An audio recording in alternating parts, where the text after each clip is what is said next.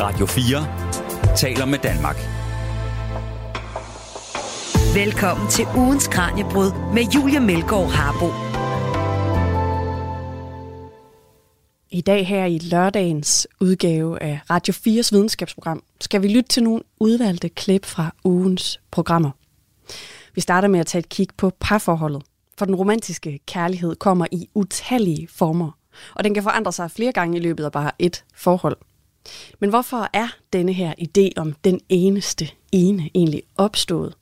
Hvordan ser det gode parforhold ud, og hvorfor går det nogle gange så galt for os, at vi ender med knuste hjerter ud over det hele? Det skal vi høre om i dag. I øh, anden halvdel af programmet skal vi undersøge på hvilken måde øh, relationen mellem lærer og elever har indvirkning på indlæringen. Faktisk har relationen mellem lærer og elev ikke bare en betydning for elevens indlæringsevner. Det påvirker også både opmærksomhed, motivation og generel trivsel. Det kigger vi nærmere på i udsendelsens sidste halve time. Du lytter til Radio 4 hjertebanken, svedige håndflader og sommerfugle, der danser vildt i maven. Eller måske tryghed, venskab og den helt særlige slags ro og forudsigelighed, der kun kan opstå, når du kender en person bedre end alle andre her på jorden. Kranjebrødsvært Emma Elisabeth Holtet kastede et blik på, hvordan det gode parforhold ser ud, men også på, hvorfor det nogle gange går så galt i jagten på den her tosomhed. Med i studiet har hun Asker Neumann, der forsøger at give en slags øh, feltguide til parforholdet. Asger er psykolog, parterapeut og ekstern lektor på Aarhus Universitet. Og til at begynde med, kaster vi et blik på denne her idé om den eneste ene. For hvorfor har vi denne her idé om, at der er en bestemt person derude, som kan gøre en hel? Og er det overhovedet øh, noget, som man stadig tror på i dag? Det fortæller Asger Neumann om rigtig mange mennesker, specielt når de er nyforelskede, specielt når intensiteten den er stærk, så er der en håb og en tro på, at det er tilfældet. Men de fleste moderne mennesker, de ved også godt, at øh, den omstændighed, den bliver udfordret. Så det er sådan, man håber, og samtidig man er også realistisk. Så den er udfordret, den, den forestilling. Ja. Har det her været sådan, altså en, er det noget, der har været længe undervejs, det her sådan opbrud på en eller anden måde? Altså man kan sige, med alle de skilsmisser, der har været i rigtig mange år efterhånden, så er der jo en bevidsthed om, at puha, man kan ikke bare regne med, at institutionen den er stabil, at øh, vi skal faktisk bøvle med det hver dag for at få det til at hænge sammen. Mm. Så på den måde tror jeg, at den realisme, den er, den er kommet ind. Ja. Og, øh, og jeg skal lige sige til lytterne, at med i studiet i dag, der har vi også Kranjebrods reporter Kasper Friis, og han er altså manden, der står klar ved sms'en. Så hvis du allerede nu har et spørgsmål eller noget andet, du gerne vil dele med os, så er det altså som altid på 14 24. Du starter med R4. Husk så et mellemrum, og så skriver du ellers bare din besked. Det kunne jo for eksempel være, at du selv altså ligger inde med et godt parforholdsråd, som du øh, kan dele med alle os andre. Og øh, Asger, vores første kapitel her i, i vores jagt på det velfungerende parforhold, det må jo være at vide, hvordan målområdet det så ser ud. Så hvad er det, vi sigter efter, eller øhm, med andre ord, altså hvad er det gode parforhold? Altså, hvis jeg skal svare på det spørgsmål, så tænker jeg, at der er sådan tre over, overordnede overskrifter i det. Og det første, det er, der vil jeg faktisk kende et par begreber fra teologien, som er begreberne eros og agape. Det, der ligger i dem, det er, at uh, i det gode parforhold, der vil det være sådan, at, at jeg kærer mig om min partners behov og trivsel og skæbne. Jeg er optaget af, at den anden har det godt. Jeg er mm. optaget af, at den anden trives og jeg har en forhåbning og måske også en erfaring om, at det er gensidigt. Så det vil sige, at den gensidige er, at vi begge to kærer os om hinanden, at det er et faktor, som er gaben. Æres til det med, at jeg begærer, jeg har øh, lyst til den anden, jeg vil være sammen med den anden, jeg vil være intim med den anden. Mm. Når de to ting, de, de som kommer i spil, så, øh, så er det i hvert fald en, en god faktor i det gode parforhold. Men en anden ting, som vi også ved fra forskning, det er, at det er også rigtig vigtigt at have fælles værdier, eller i hvert fald have okay fælles værdier. Det er, at man har nogenlunde enighed om, hvad der er værd at bruge tid på og kræfter på i livet, hvad der er godt at gøre, og hvad der ikke er så godt at gøre. Mm. Hvis man er meget uenig på den del, så vil det typisk være nogle konflikter, som kan være opslidende. Det tredje, der vil jeg sådan set citere dronningen, for det tredje aspekt, det er, på bliver et tidspunkt spurgt, hvad er det, der fik dig og Henriks forhold til at fungere? Så siger hun, at øh, det er fordi, at vi var gode til dit og mit og vores.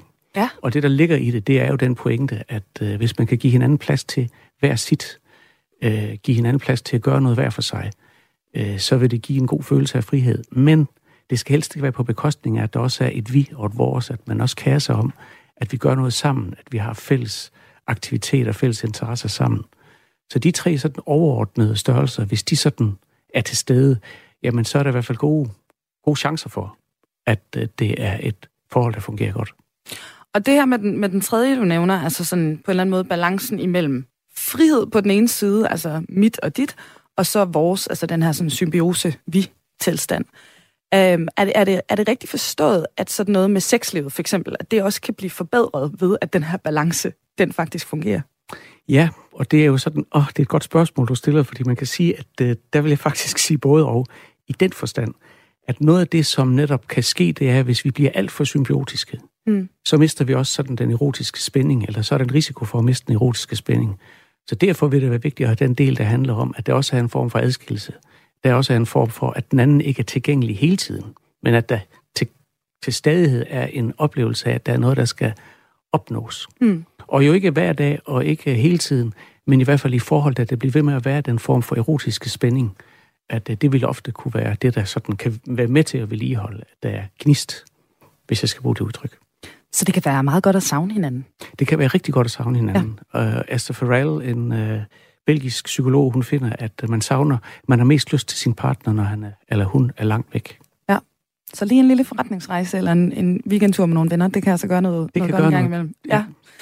Og, øh, og, og en af de vildeste sådan, forandringer, som, øh, som kærligheden, den vil sagtens øh, gennemgår sådan i løbet af et parforholds øh, livstid, det må vel være, når vi går fra sådan forelskelsesfasen og så ind i den der tosomhed, eller sådan lidt, lidt grimt sagt, det lange seje træk. Øhm, altså, hvad er det så, der gør, at det gode parforhold overlever den der ret voldsomme overgang, som det vel egentlig er? Ja, altså der kan man, det er jo lidt interessant, at øh, på engelsk, der har man faktisk ikke et særskilt begreb omkring forelskelse. Der kan man fall in love, men, øh, men på dansk har vi jo sådan den, netop den differentiering imellem at være forelsket og have et kærlighedsforhold. Ja. Og noget af det, der er noget kemi i det her også. For der er også noget af det, at når man har været sammen med et menneske fysisk i noget tid, så vil der kunne udvikle sig en tilknytningsproces, og der er blandt andet et stof, der hedder oxytocin, som bliver udskilt i forbindelse med, med, at man har fysisk kontakt, og særligt stærkt i forbindelse med, at man har orgasme sammen med et andet menneske. Så den er med til at betyde noget i forhold til, at der kan være, der kan være den overgang, fordi den energi, den intensitet, der er i forelskelsen, den kan vi simpelthen ikke opretholde. Det er alt for, for krævende. Ja. Så derfor så er der behov for, at der ligesom bliver, der sker en hjælp ind i retningen af kærlighedsforholdet. Men det er selvfølgelig også det, at når vi sådan har den blændelse, den, øh, den måde, vi bliver, øh, vi bliver lidt dumme i forelskelsen på, mm. at øh, hvis den skal lykkes at gå over i et kærlighedsforhold, så kræver det også, at øh, den total idealisering, vi har i forelskelsen, den bliver mere realistisk. Men at der samtidig også er en accept af, ja, der er nogle forskelligheder. Ja, det jeg var helt vild med i starten, det er måske lidt irriterende nu. Men der er stadigvæk så meget, jeg knytter mig til her, så det er værd at Ja. fortsætte. Er det det, der sådan karakteriserer den der forelskelsesfase, at så møder du en person, og så synes du, alt ved dem er godt? Ja, sådan bliver vil, det tit sagt, være, ja, ja. sådan vil det tit være i starten. Der er, der er ligesom en, det får en positiv valens, ja. hvis jeg skal bruge det udtryk. Øh, men den kan jo ikke opretholdes. Nej. Og øh, jeg kan i hvert fald nogle gange også opleve i parterapien det der med, hvad faldt du for? Jamen, jeg faldt for, at han var så rolig. Og hvad blev irriterende? Jamen, for fanden, han siger jo aldrig en skid. Ja. nu er jeg lidt, det er jo lidt firkantet, Ja, men i ja. hvert fald den, øh, den form for, at det, som man var vældig glad for i starten, at det også på et tidspunkt kan blive en udfordring. Ja, så der er sådan en særlig karaktertræk. Det, det, det kan så øh, ja, længere hen ad vejen, og så faktisk blive det, der, der generer en. Ja, med mindre man finder ud af at håndtere det på en god måde. Ja. Med mindre man finder ud af, at vi kan altså også være et godt match ved, at vi faktisk repræsenterer en forskellighed i vores temperamenter. Og det er det her vel med at, at træne vores kærlighedsmuskler, som vi også skal, skal snakke om senere. Så det er altså noget, man godt kan arbejde på. Det er de bestemt ting. noget, man godt kan arbejde på. Ja. Du lytter til ugens Kranjebrud på Radio 4. Og, øh, og Asger, nu har vi jo altså sådan beskrevet det grundlæggende i det velfungerende forhold. Så lad os lige vende mønten om en gang. Hvor er det så oftest, vi går galt i det lange parforhold? Altså man kan sige, hvis de tre nævnt, ting, jeg nævnte før, de falder fra hinanden, at så er det selvfølgelig begyndt at gå galt. Ja. Men så er det også omstændighederne, for det parforhold er jo sjældent sådan en, en osteklokke. Det er jo i en virkelighed, hvor der er alle mulige andre ting. Der er arbejde, der er børn, der er tusindvis af andre faktorer, som jo kan spille ind og forstyrre, og som kan gøre det svært sådan at opretholde daglige, kærlige og intime handlinger. Mm. Øh, og der sker det jo så nogle gange det, at man kan føle sig glemt eller svigtet af den anden, og man kan føle sig uretfærdigt behandlet ved, at man kommer til at tage for meget af det praktiske, eller at den anden hele tiden prioriterer at bruge tid nogle andre steder. Så det med, at man sådan kommer til at, at kan man sige, miste øh, nærheden og intimiteten, fordi at man hele tiden bliver trukket af andre faktorer, at det er noget af det, der kan gøre, at det går galt. Det forser vi også øh, ofte, at øh, det er en udfordring, når man får børn. Ja. Fordi det kæresteforhold, den lidenskab, der måske var, den lige pludselig får nye betingelser øh, og udfordrede betingelser. Og der kan man sige, hvis man har været god til de første tre elementer, jeg nævnede, før øh, man, øh, man fik et barn, jamen så vil det typisk også det at være en form for tilknytning og et commitment, som gør, at man også godt kan bære, at for en stund, der er det ikke lige mig, der er i centrum, der er der noget andet, der er vigtigt. Så er, er, er det sådan generelt set de her store livsændringer så? Fordi man ser det vel også, når børnene flytter hjemmefra, eller folk afslutter en uddannelse og flytter ud af kollegiestudierliv. Altså det er vel de her sådan større de større livsforandringer, ja. ja. Jeg var godt nok bange på mit studie, det gik fra hinanden, da vi, da vi blev færdige med ja. min uddannelse. Så, så ja, de store livsforandringer, som, øh, som jo også no, på nogen måde spiller ind i en anden ting, og det er spørgsmål om selvrealisering. Mm. Det vil sige det, at vi vil sådan set begge dele. Vi vil både det romantiske kærlighedsforhold, vi vil en partner, men vi vil også karriere, arbejde, noget af det, som øh, vi er optaget af. Og det kan jo nogle gange betyde, at det kommer til at trække hver sin retning. Jeg snakker med et, øh, nogen her for noget tid siden, øh, som var vældig glad for hinanden, men den anden havde fået den rigtig, rigtig spændende job i København, og partneren støttede det sådan set. Men hvad skulle de nu gøre med det her? Fordi skulle den anden nu komme hjem hver dag? Det holder jo ikke. Skulle den anden så have en lejlighed, eller hvad pokker kunne de gøre? Fordi den, øh, den, øh, de havde begge to interessante arbejde. Og det er jo virkelig sådan en ting, som ikke ville være et øh, emne for 50 år siden. Ja. Der ville han være læge, og hun ville være sygeplejerske, og hun flyttede selvfølgelig med. Ja. Men der er der altså nogle omstændigheder, der ændrer sig ved, at vi vil noget mere med vores liv end kun parforholdet. Ja. Og, og hvad med sådan noget som, øh, altså, nu, nu skal jeg lige prøve at opsummere her. Så vi har det her det med indstillingen. Ja. Det her med gensidigheden. Ja. Det var den ene ting. Så var det det her med, med fælles værdier og, og dagligdag. Ja. Øhm, og, øh, og så balancen mellem sådan, ja, friheden og, og, og os på en ja. eller anden måde. Mm. Ikke? Øhm, det her med sådan noget som fælles værdier, øhm, når, når det går galt, er der, er der nogle værdier, der er vigtigere end andre? Er det børneopdragelse? Er det familierelationer? Altså er der nogle ting, der, der sådan stikker i øjnene? Ja, altså man kan sige, en værdi, som er faktisk er rigtig, rigtig vigtig, det er, det er en værdi omkring, hvordan man kommunikerer med hinanden. Det er, har man en, øh, en, en respektfuld, øh, varm tilgang til hinanden? Har man en, en måde at kommunikere på, hvor man interesserer sig for, øh, hvad den anden er optaget af? Mm. Eller er man fløjtende ligeglad øh, og er optaget af sin egen ting? Eller kommunikerer i hvert fald, så det lyder som om. Det vil typisk være noget, en, en værdi, som, som udfordrer. Ja, og jeg kan se på min kollega Kasper, at vi har fået et lytterspørgsmål ind. Nej, det er nu ikke et spørgsmål, det er bare en kommentar fra ja. en Daniel, og det ligger meget godt i forlængelse af det, du siger nu her, Asger Nøgman. Øh, for det Daniel, han skriver nemlig, at han og konen har været sammen i 18 år, og de kunne ikke leve uden hinanden, eller han kunne ikke leve uden hende. Øh, hun betyder alt for mig, skriver han, og hun sender min sexlyst bare ved et kys eller et kram. Vi fokuserer på vores fælles interesser, vores interesser hver især. Og det vigtigste, mener Daniel, er at tale med hinanden om følelser, hvad man forventer af hinanden. Og det er jo egentlig det, du siger også, at kommunikationen, den, ja. den skal være på plads. Ja, både måden at kommunikere på, men også indholdet selvfølgelig. Hvad er det? Får vi rent faktisk snakket øh, forventninger? Og følelser måske også. Og følelser. Og noget af det, som jo ikke sjældent er bøvl, det er, når man tager afsted den dag, hvor man får sommerferie og kører ned igennem Tyskland og skændes, inden man når til Hamburg. Fordi der overhovedet ikke er afklaret nogen forventninger om, hvad vil vi egentlig gerne være til. Og øh, vores livesending her i dag, det, det er jo faktisk afslutningen, som, øh, som jeg sagde indledningsvis, på en hel valentinsuge her i, i Kranjebrud. Og øh, i mandagens program, der skød vi altså det her kærlighedstema afsted sammen med filosof Anne-Marie Parhus. Og øh, Asger, øh, Anne-Marie, hun har også givet os et, øh, et spørgsmål, for jeg spurgte nemlig, hvad hun gerne ville, øh, ville spørge dig om. Jeg synes lige, vi skal høre, hvad, hvad hun sagde, og øh, det kommer her. Ja, jeg tror, altså Asger har jo folk i samtale, så egentlig vil jeg være nysgerrig efter, hvad det, hvad det er, der, der, der, der ofte dukker op. Altså jeg får tit det der spørgsmål af kærlighed i krise. Ja. Øh, og det, det, det, jeg tror, folk tænker, når de spørger af kærligheden i krise, det er, at det er et problem, at vi har så mange skilsmisser. Ja. Og jeg plejer at svare, det kunne jeg godt tænke mig, at Asger lige forholde sig til, jeg plejer at svare, at øh, jeg har ikke set nogen øh, ty for hurtigt til skilsmisse. Jeg tror, at folk prøver alt muligt for at blive sammen. Mm. Så har du set, altså Asger, har du set en skilsmisse, som, hvor beslutningen er truffet for hurtigt? Altså har du set, at uh, der er for mange skilsmisser? Mm. Jeg tror ikke, der er, der er for mange. Nej, nej, og nu skal vi, og det er ikke sådan noget med i dag, man skal endda have betænkningstid i det der, man trykker på knappen, fordi altså sådan selve systemet ligesom også siger til en, vi tror, I kunne komme til at tage den her beslutning for, for hurtigt, ikke?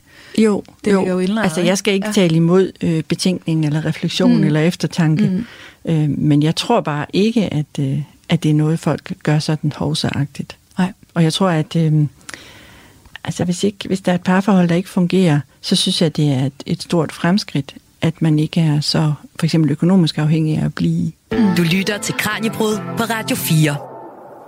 Ja, Asger. Hvad er øh, svaret på filosof Anne-Marie Parhus' spørgsmål her? Jamen, jeg vil sige, at øh, den del, der handler om, at det for hurtigt, at der var rent faktisk en vækst i skilsmisser, mm. som på det tidspunkt, hvor man skulle øh, et klik øh, ind på sådan en skilsmisseportal. Øh, fordi at de blev taget i affekt. Og Mm. der er rigtig mange mennesker, der bliver skilt hver dag, og som fortryder det øh, dagen efter, fordi at de har, de er faldet lidt ned igen, og siger til deres elskede, at jeg var sgu lige lidt for hurtig, og jeg beklager, at jeg kom til at true med den store, det store brud på grundkontrakten. Øh, Så det der med, at øh, når beslutningen bliver truffet i frustration og effekt, så bliver det nogle gange lidt for hurtigt. Og hvis der så er en teknologi, som gør, at det kan man gøre, jamen så giver det faktisk et problem. Men Mm. jeg er enig i, at det er måske faktisk undtagelsen. De fleste, de har bøvlet med at få et parforhold til at fungere. Og der er der en interessant ting, der er sket de seneste år, fordi kommunerne har øh, jo nogle, nogle kommuner har tilbud til par, der er i krise øh, omkring parterapi. Der er prep-kurserne. Der er faktisk også Folkekirken har også en, øh, en hjælp til par i krise. Mm. Øh, og der er flere af dem, når man interviewer dem sådan evalueringsmæssigt omkring det, så siger de, jeg kunne være bange for, at vi var blevet skilt, hvis vi ikke havde været med i det her forløb, fordi det har virkelig gjort en forskel. Jeg kunne se, at jeg var så vred og så frustreret på min partner, så jeg ikke gad mere. Men der var jo stadigvæk en kærlighed, da vi, da vi lærte at håndtere nogle af de situationer, så kom vi faktisk videre sammen. Og nu ved jeg godt, du kan jo ikke tage en, en tidsmaskine og, og rejse tilbage til, til de gode gamle dage. Men, men tror du det her med, at skilsmissen er blevet så nem i gåsøjne, altså vi er jo økonomisk, øh, de fleste par i hvert fald har fin mulighed for at gå hver til sit og, øh, og have et fint liv derefter. Hvad, hvad tror du skilsmissen sådan har gjort ved parforholdet? Jamen altså, jeg er meget enig øh, i pointen omkring øh, en, noget af det, vi hørte før, at, at, jeg vil ikke huske, om det var dig, der sagde det, men i hvert fald det der med, at der er en økonomisk situation, der ændrer sig. Mm. Altså, Det tror jeg også, Anne-Marie, hun Og det var også det, nævnte Anne-Marie, hun var inde på. Ja, ja, vi kan slet ikke øh, betone nok, hvad det betød, at kvinderne fik deres egen økonomi. Mm. Det betyder, at de rent faktisk også tager stilling til, øh, øh, om det her, der var godt nok, det forhold, de var i. Mm. Altså, jeg har tit tænkt på det i forbindelse med et dukkehjem, hvor Nora, Ja. ja. hun jo går til sidst. Øh, men vi følger hende jo ikke efter, at hun er gået. Hvor skulle hun gå hen med sine børn? Hvordan skulle hun brødføde dem? Så selvfølgelig var det rigtig, rigtig svært en gang for kvinder at bryde ud, hvor, de blev, hvor det også handlede om fysisk og social overlevelse. Og på den måde har, har jeg meget enig med Marie også i, at det der med den frihed, det har givet, at jeg kan faktisk tage stilling til, om noget er godt nok, om det er det, jeg skal bruge mit liv på. Ja. Og på den måde er skilsmisserne jo gode, at de er Mm. blevet en mulighed. Men der er sjældent en skilsmisse, uden at det også er en stor smerte forbundet med det. Øh, specielt jo i forhold til øh, ens børn. Ja. Men man kan også vente den rundt og sige, det er altså med i børns interesse, at der sker en god og en moden voksen skilsmisse, end at børn skal vokse op i et øh, koldt, fjendtligt miljø med en mor og far, der ikke kan lide hinanden mere. Mm. Og, øhm, og, og udover børnene, der er vel også sådan noget som venner og ejendom, der skal deles efter en skilsmisse. Det må også give nogle, nogle langtidsvarende effekter, ikke? Det gør det, det er Ja. forfærdeligt besværligt. Og der er nogen, der siger, at folk de bliver skilt for et godt år i vores dag. Men jeg vil bare sige, at dem, der har prøvet skilsmisse, de ved, hvor enormt opslidende og svært det er, og hvor lang tid det tager. Øh, Så det er ikke noget, man på den måde spøger med. Og jeg kan se på Kasper, at der, der lige er et lytterspørgsmål, vi skal have fat i igen. Jamen, der kommer, der kommer flere spørgsmål ind her er på godt. 1424. øh, her er der et af dem, som jeg faktisk ikke tror på, at Asger kan svare på, men det kan jeg næsten. Øh, der er en, der spørger til, spørger til det her med, at vi jo egentlig blot er aber, og, øh, og, og vores parforhold måske er levende derfra. Øh, så hvordan kan... Altså, i abeflokke, der er der jo oftest en alfa, der får børn, øh, og så er der en særlig tilknytning til... Altså, som hunderne der har en tilknytning til, som kan blive skiftet ud, og men hos os, der har vi det der par, og det er måske evolutionsmæssigt skidt. Jeg skal lige sige, at det blev faktisk talt om i Kranjebrud i tirsdag, så det kan man gå ind og mm. finde. Øh, og jeg tænker ikke, det er dit speciale, Asger. jo, det er altså... What? Come on! jo, for jeg tænker jo netop, at når vi skal forstå kærlighed, så skal vi faktisk forstå det på tre niveauer. Vi skal forstå det på et evolutionært niveau, at vi har noget med os for naturen. Vi skal også forstå det på et, øh, et individuelt, kulturelt niveau. Hvad er det, vi bliver rundet af? Hvad er det, vi har med os for, i vores opvækst? Hvilken tilknytning har vi hver især? Og så er der sådan et helt tredje niveau, som handler om, om den sådan individuelle forvaltning af de her forhold. At øh, vi har en, øh, en frihed til at reflektere og beslutte os omkring nogle ting. Og der kan man sige, at øh, det, at vi har været aber engang, det er vi stadigvæk i en vis forstand. Men der er kommet en kultur oveni, og der er kommet en individuel refleksion oveni. Så det er jo ikke det, at det nødvendigvis styrer os, men det kan spille ind. Øh, så nogle gange så siger man sådan, at vi har noget, der konstituerer os fra bunden af, fra evolutionen af, men vi har også noget fra toppen, der øh, organiserer os, hvor vi tager stilling til. For eksempel sådan en ting, er det her godt nok? Er det her forhold, jeg skal blive i? Eller, det er jo mange forhold, det er også for eksempel seksualitet. Måske på et tidspunkt, hvor det var dødsens farligt at springe ud som homoseksuel. Der vil man i vores dage kunne reflektere over og sige, at det er så vigtigt for min måde at være i verden på, så det bliver nødt til at melde ud og jeg har også erfaring for, at andre bliver taget godt imod, når det sker. Så på den måde, så er der ligesom nogle niveauer, vi skal forstå kærligheden i. Og det der med, med forbunden, og med, altså det dyriske i os, det var ja. det, der var blevet omtalt i Kranjebrud i tirsdags, ja. øh, hvor, hvor vi hørte mere om forskellige dyr, hvordan deres kærlighedsforhold er. Der er også en der her, der skriver lidt en kommentar til det med skilsmissen. Mm. Øh, har der egentlig nogensinde været den omvendte tilgang til skilsmisse betænkningstiden, altså betænkning om, man skal giftes, men det er der jo egentlig de, ret beset i de fleste forhold. Men måske skulle der være et krav om, at man skulle have været sammen i en eller anden periode, før at man skrider til handling. Jamen altså, det er jo faktisk et meget godt spørgsmål, fordi man kan sige, at når vi snakker om arrangerede ægteskaber, øh, hvor vi ikke skal så mange generationer tilbage, før at det var en meget almindelig ting, at, øh, at det krævede delen dyt med mod af en øh, ung pige, der var blevet øh, koblet op med en mand, der havde god økonomi, og sige, det ved jeg ikke det her. Jeg vil hellere forsvinde, end øh, jeg vil giftes med ham.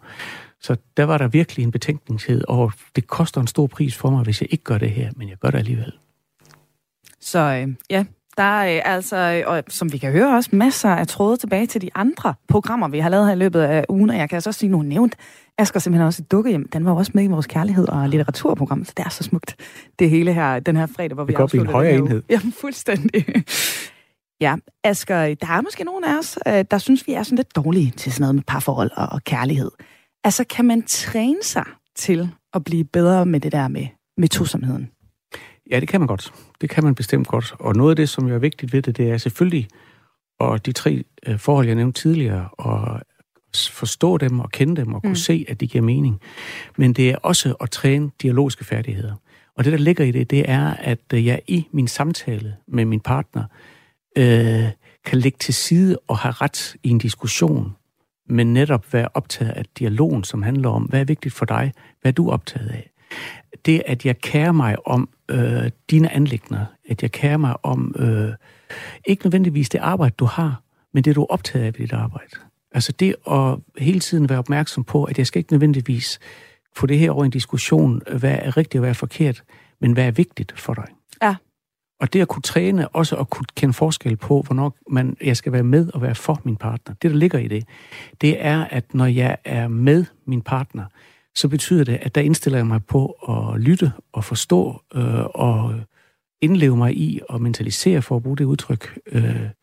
Men det er noget andet end det at være for sin partner, for når man er for sin partner, så vil man gøre noget praktisk for at hjælpe den anden. Mm. Altså min kone, hun øh, siger på et tidspunkt til mig, hvor hun kommer hjem og har haft en træls arbejdsdag, øh, og, og fortæller om det.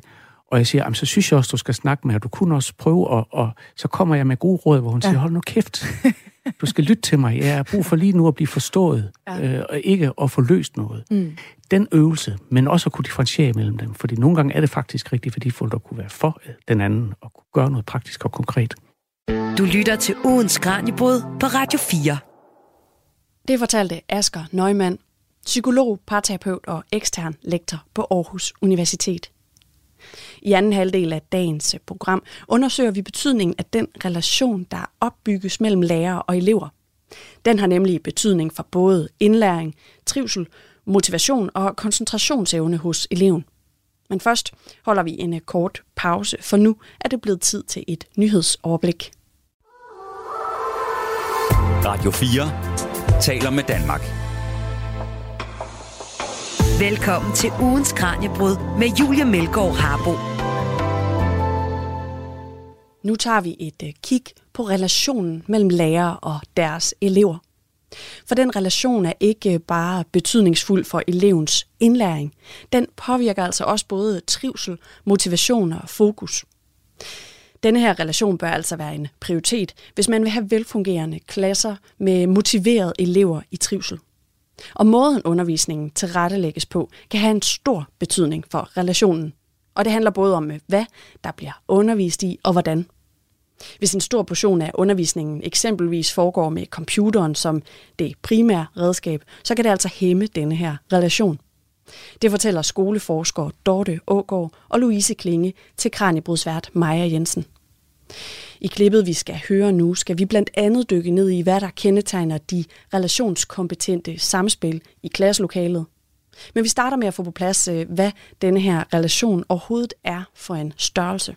Det er meget mere end smil og øjenkontakt, øh, og det er sådan umiddelbart personligt, som vi ofte forbinder med at have en god relation.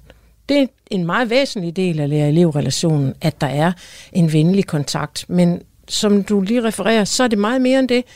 Det er også øh, øh, den måde, undervisningen bliver tilrettelagt på. Det fortolker eleverne relationelt, for eksempel på den måde, at hvis læreren står og taler øh, i meget lang tid op ved tavlen, så synes eleverne ikke, det øh, inddrager dem særlig meget. Så det er sådan et eksempel på, at undervisningens tilrettelæggelse også fortolkes relationelt. Og på samme måde i meget høj grad spiller lærerens klasseledelse en rolle for elevernes oplevelse af forholdet mellem de, mellem de to parter. Louise, hvorfor er relationen mellem eleverne og læreren så vigtig? Ja, den påvirker rigtig mange dimensioner af børn og unges liv, og også af deres fremtid. Og, og netop bare lige for at understrege, hvor vigtige relationer bare grundlæggende er rent menneskeligt, der skal vi jo huske, at vi er en sart art som mennesker. Vi er nøgne og på to ben, så vi har brug for hinanden. Og faktisk så gælder det generelt jo, at vi altid afkoder andre.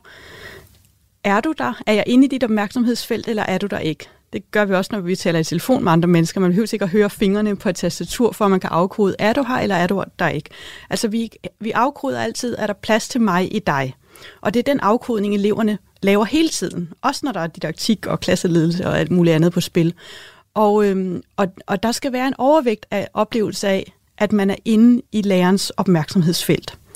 Og øhm, når det netop sker, og relationen af den grund bliver positiv, fordi der både er positive følelser og positive forventninger og gode samspil, ja, så betyder det både noget for elevernes relation til hinanden. Den er simpelthen påvirket af, hvordan relationen til læreren er. Det, det, det, det drøber nedad og udad så øh, påvirker det elevernes koncentration, deres motivation, det påvirker deres selvværd, deres stressniveau er påvirket af relationen til lærerne, deres selvregulering, altså evnen til at kunne regulere sit nervesystem og holde koncentrationen, er også påvirket af relationen. Og endelig så er der også øh, store studier, der viser, at fremtidige familieforhold, uddannelsesforhold og lønindkomst er påvirket af relationen. Så det er ikke så let og nogle gange taler jeg med lærer og pædagoger om, hvor tør man så overhovedet gå på arbejde. altså man står vidderligt med børns øh, og unges liv, øh, deres skæbner i sine hænder. Ja, Dorte?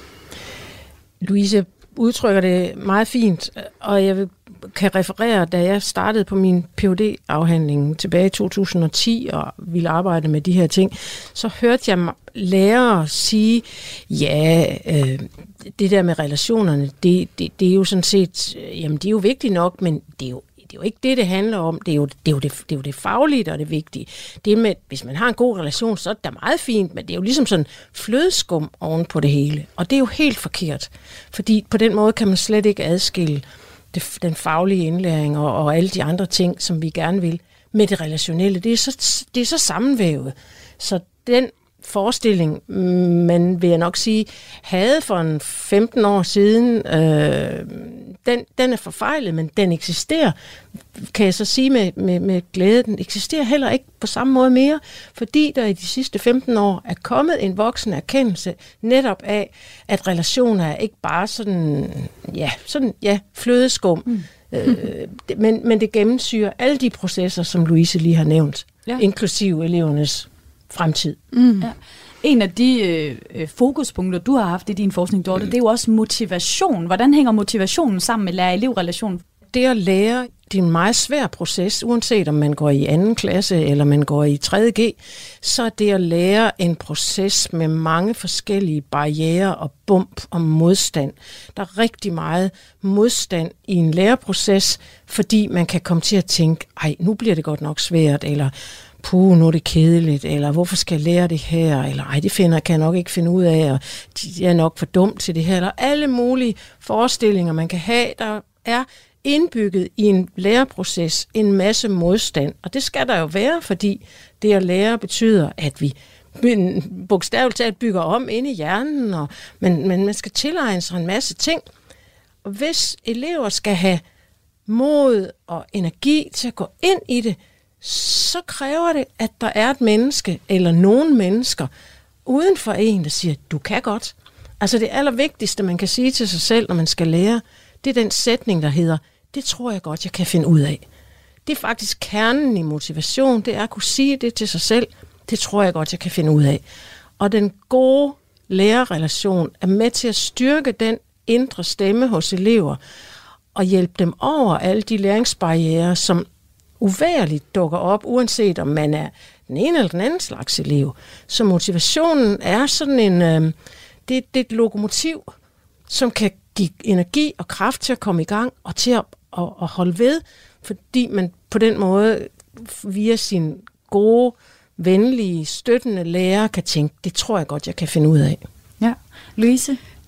Ja, og netop, øhm, som Dorte også beskriver, det kan man også se her, at det er en misforståelse, når, når nogen tror, at motivation er noget, som øh, er øh, en eller anden individuel øh, egenskab, som man bare ligesom må mønstre. Nu må du også være lidt mere motiveret.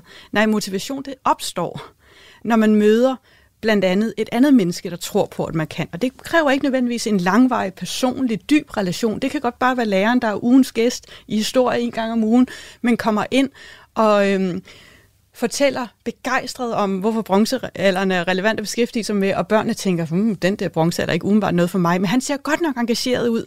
Jeg giver det en chance. Altså, så, så motivationen opstår, når man møder andre menneskers begejstring, når man, når man får en tiltro til, at det her, det er noget, der er værd at dykke ind i, og det kan jeg godt. Så, mm. så, så, så, så det er ikke, vi kan ikke give øh, børnene og de unge skyld, når ikke der er motivation. Det er fordi, det ikke er opstået i forhold til det, de har mødt. Ja.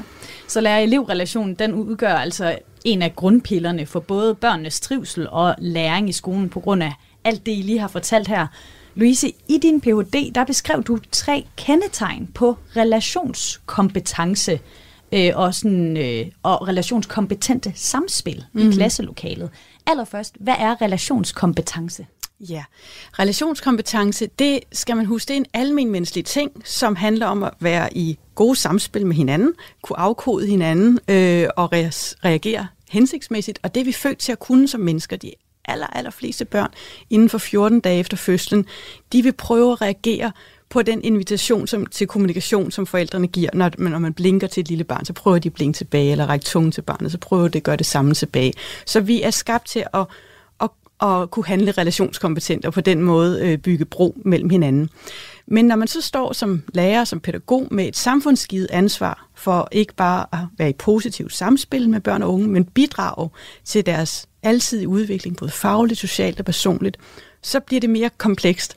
Og der kan man sige, at relationskompetence er at interagere, altså at være i, øh, i samspil med, med, med børn og unge på en måde, hvor man både bidrager til deres trivsel og deres øhm, udviklingen både fagligt, socialt og personligt, og også understøtter hele gruppen eller klassen som et lærende fællesskab. Det vil sige, det er ikke nok, jeg har det hyggeligt med Josefine eller Mohammed. Jeg skal også understøtte, at Josefine og Mohammed kan være i kontakt med hinanden på en konstruktiv måde. Mm. Og det er den kompleksitet politisk niveau ikke helt har erkendt, så vil de skabe bedre rammer for lærer og pædagogers opgave, for det er jo en vild opgave. Ikke?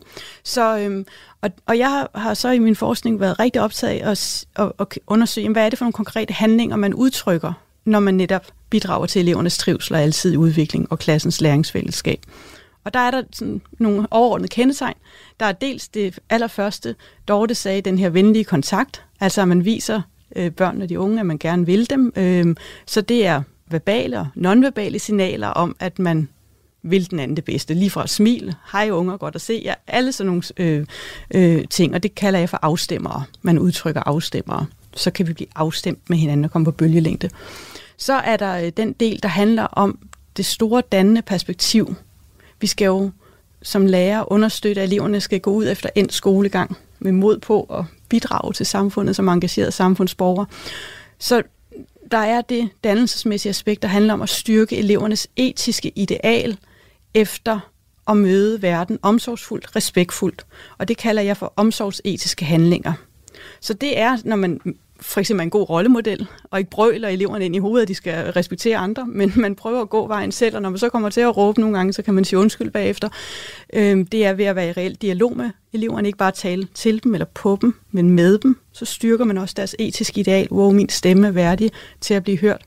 Og så er det den her dimension af, at man lader eleverne praktisere et etisk ideal. Det vil sige, at de får erfaringer af at gøre godt. De får mulighed for at hjælpe hinanden, gøre noget godt i lokalsamfundet. Så at man udtrykker afstemmer, man handler omsorgsetisk, og så er der det sidste kendetegn, som rummer tre elementer, det er, at man understøtter elevernes grundlæggende psykologiske behov for at opleve autonomi, føle sig kompetent og opleve samhørighed. Og, øhm, og, og de her kendetegn, de viser sig i konkret, i konkrete handlinger, og alle lærere og pædagoger udtrykker dem alt, altså alle lærere og pædagoger udtrykker dem indimellem, men der er ingen, der udtrykker de her handlinger altid, fordi det er krævende og komplekst. Du lytter til ugens Kranjebrud på Radio 4. Dorte Ågaard og Louise Klinge. Før der talte vi om det personlige relationsniveau, men vi har også nævnt et par gange, at nærmest alt læreren gør, bliver opfattet relationelt af eleverne. Så derfor kan tilrettelæggelsen af undervisningen også påvirke den her relation. Louise, når vi taler om tilrettelæggelse af undervisning, så er det både, hvad eleverne mm. bliver undervist i, men også hvordan de bliver undervist i det. Mm. Hvis vi starter med hvad, hvordan kan det faglige stof så påvirke relationen til eleverne? Jamen det er øh, simpelthen, når vi mennesker skal, skal, skal blive kloge på noget, så kræver det, at vi kan holde vores opmærksomhed festnet ved det. Og det er så den her fokuserede opmærksomhed er fuldstændig afgørende for al læringsdybde. Altså om det kan lære sig i langtidsudkommelsen, om vi kan koble det til anden viden. Og der, øh, der er jo rigtig mange ting, øh, som, som børn og unge skal læres, hvor de umiddelbart tænker, det er ikke lige noget for mig, det der. Øhm, så, så der er det i høj grad lærerens ansvar at præsentere det faglige indhold på en måde, hvor eleverne tænker, hmm, det vil jeg faktisk gerne tilslutte mig. Det vil jeg gerne læne mig ind i. Øhm, så, så, så, så, så der er masser af fagligt indhold, som man umiddelbart kan tænke, det går nok langt fra deres livsverden. Men fordi man lige får præsenteret det på den måde, i forhold til, hvad det kan betyde for deres fremtidige liv, måske for deres forståelse af, af sig selv, af, af, af omverdenen nu og her. Der er et eller andet, der gør, hvor du slår en tone an, hvor de tænker, hmm, det der vil jeg gerne læne mig ind i. Så, så, så, øhm, og, hvis, og det kan man stort set gøre med alt. Øhm, på et tidspunkt havde jeg arbejdet selv som lærer i en årrække. Jeg havde en øh, 6. Klasse, de skulle lære om grundloven. De var utrolig uinteresserede i den her grundlov. Og de var ude i grupper, og der var ingen koncentration overhovedet, og vi arbejdede med det i et langt forløb i historie, og det var spild af tid. For hvis ikke de er opmærksomme og engagerede, så kan de ikke huske det alligevel.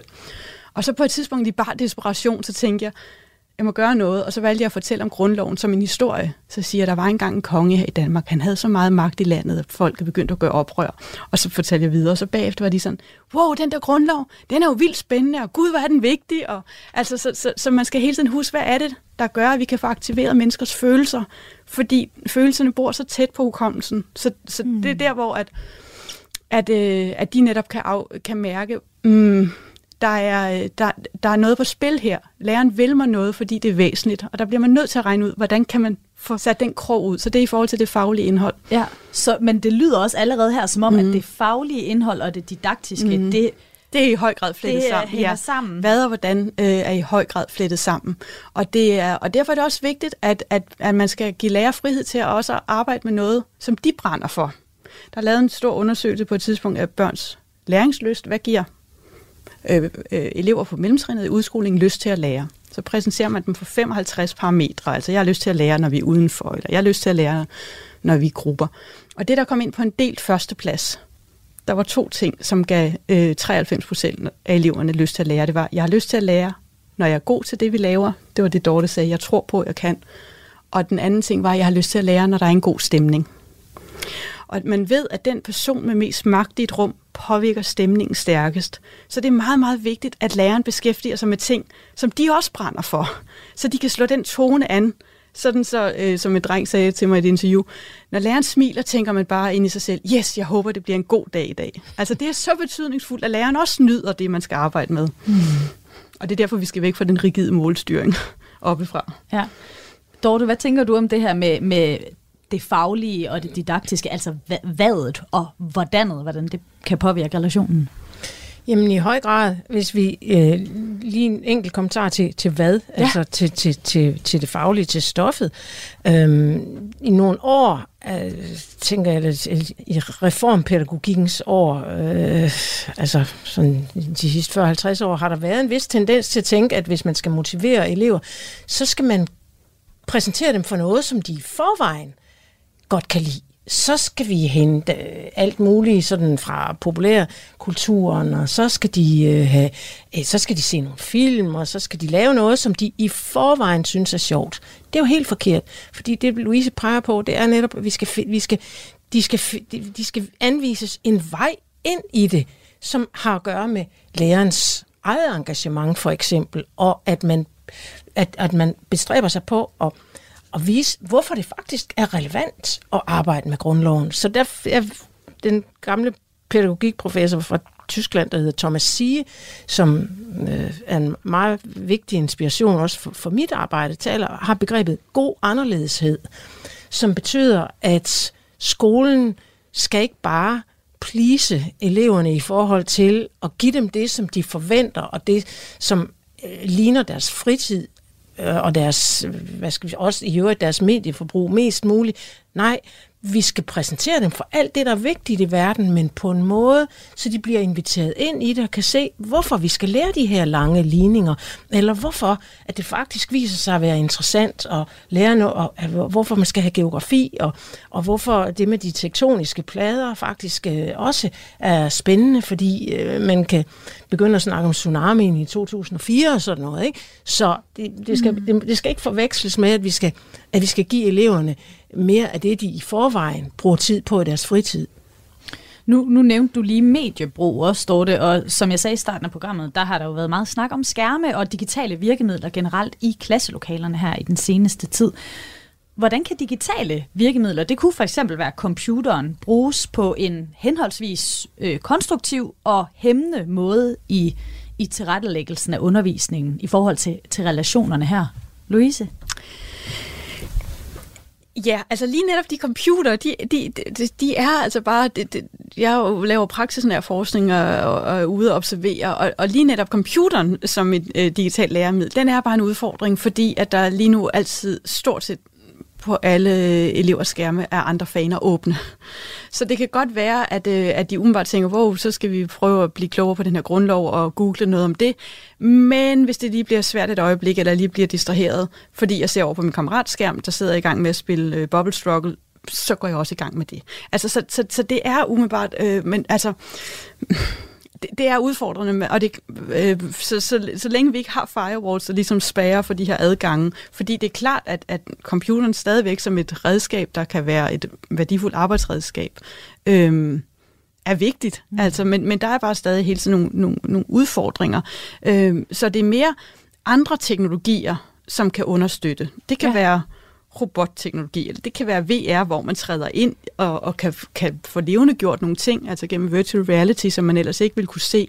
Øhm, det kan være øh, at lave podcast, øh, som man så kan spille for nogle andre. Øh, altså der kan være hmm, det kan være at producere film. Altså der, der kan være alle mulige ting, som er med til at understøtte engagementet øh, hos eleverne og dermed deres, deres læringsudbytte.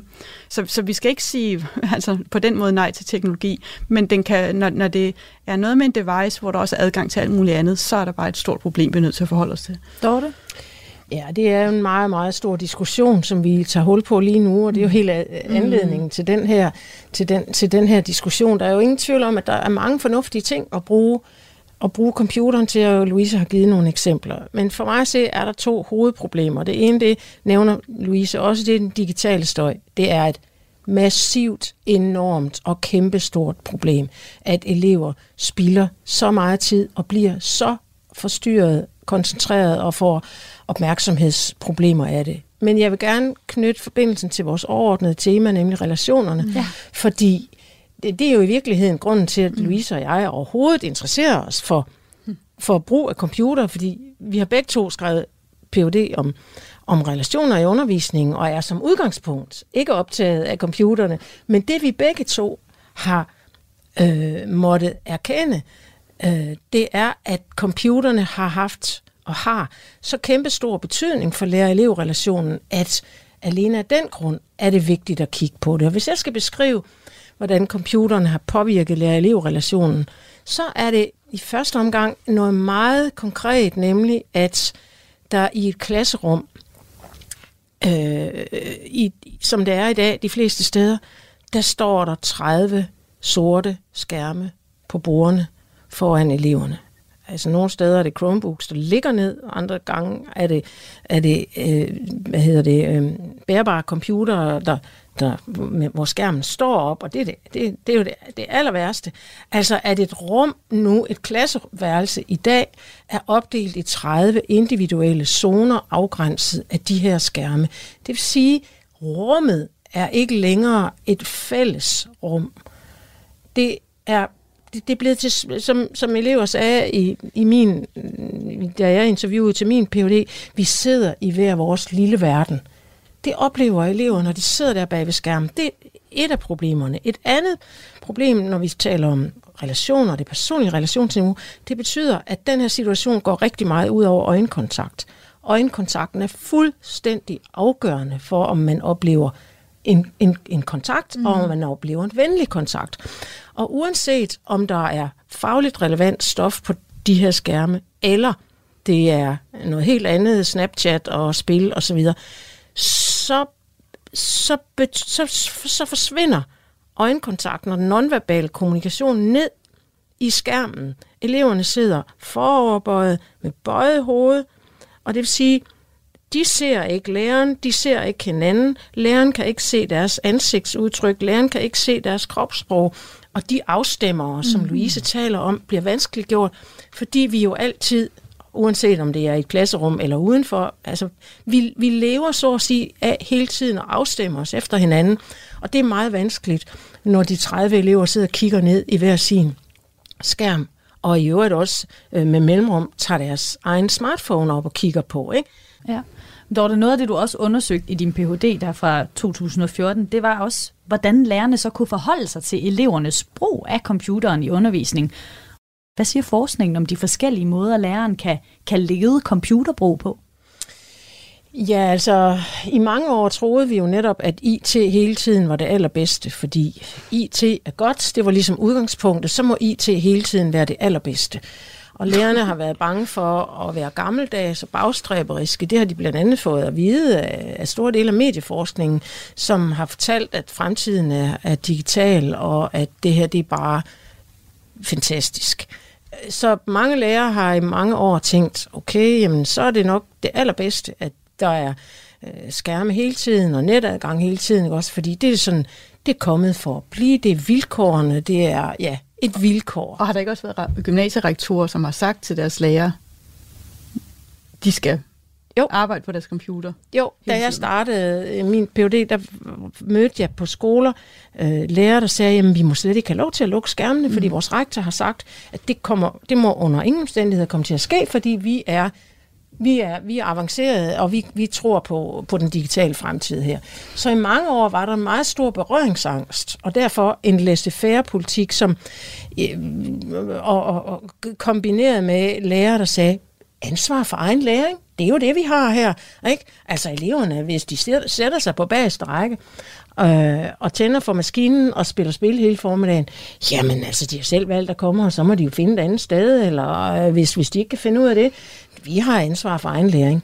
Det blev sagt i afmagt, fordi lærerne ikke kunne finde ud af, hvad de skulle stille op, fordi hvis man på den ene side ser, at der er et problem på den anden side, for at vide, jamen, øh, det er fremtiden, det er dig, der er gammeldags, så er man virkelig på den.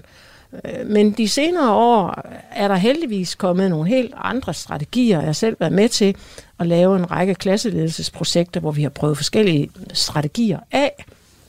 Og der er mange ting, man kan gøre, og man skal jo gøre mange ting samtidig. Der er ikke én løsning, der ligesom fikser det her. Det fortalte skoleforsker Dorte Ågård og Louise Klinge. Mere når vi ikke i programmet her i dag, men du kan lytte til Kranjebrud her på kanalen igen i morgen på samme tidspunkt, og alle hverdage kl. 12.10. Hvis du har lyst til endnu mere Kranjebrud, så kan du også altid finde alle de gamle programmer på Radio 4's hjemmeside eller i din øh, foretrukne podcast-app.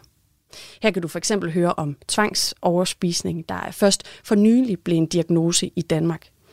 Kranjebrud undersøgte den nye diagnose den 30. november. Og det program kan altså findes, hvis du søger på Kranjebrud i din øh, podcast-app og scroller ned til november.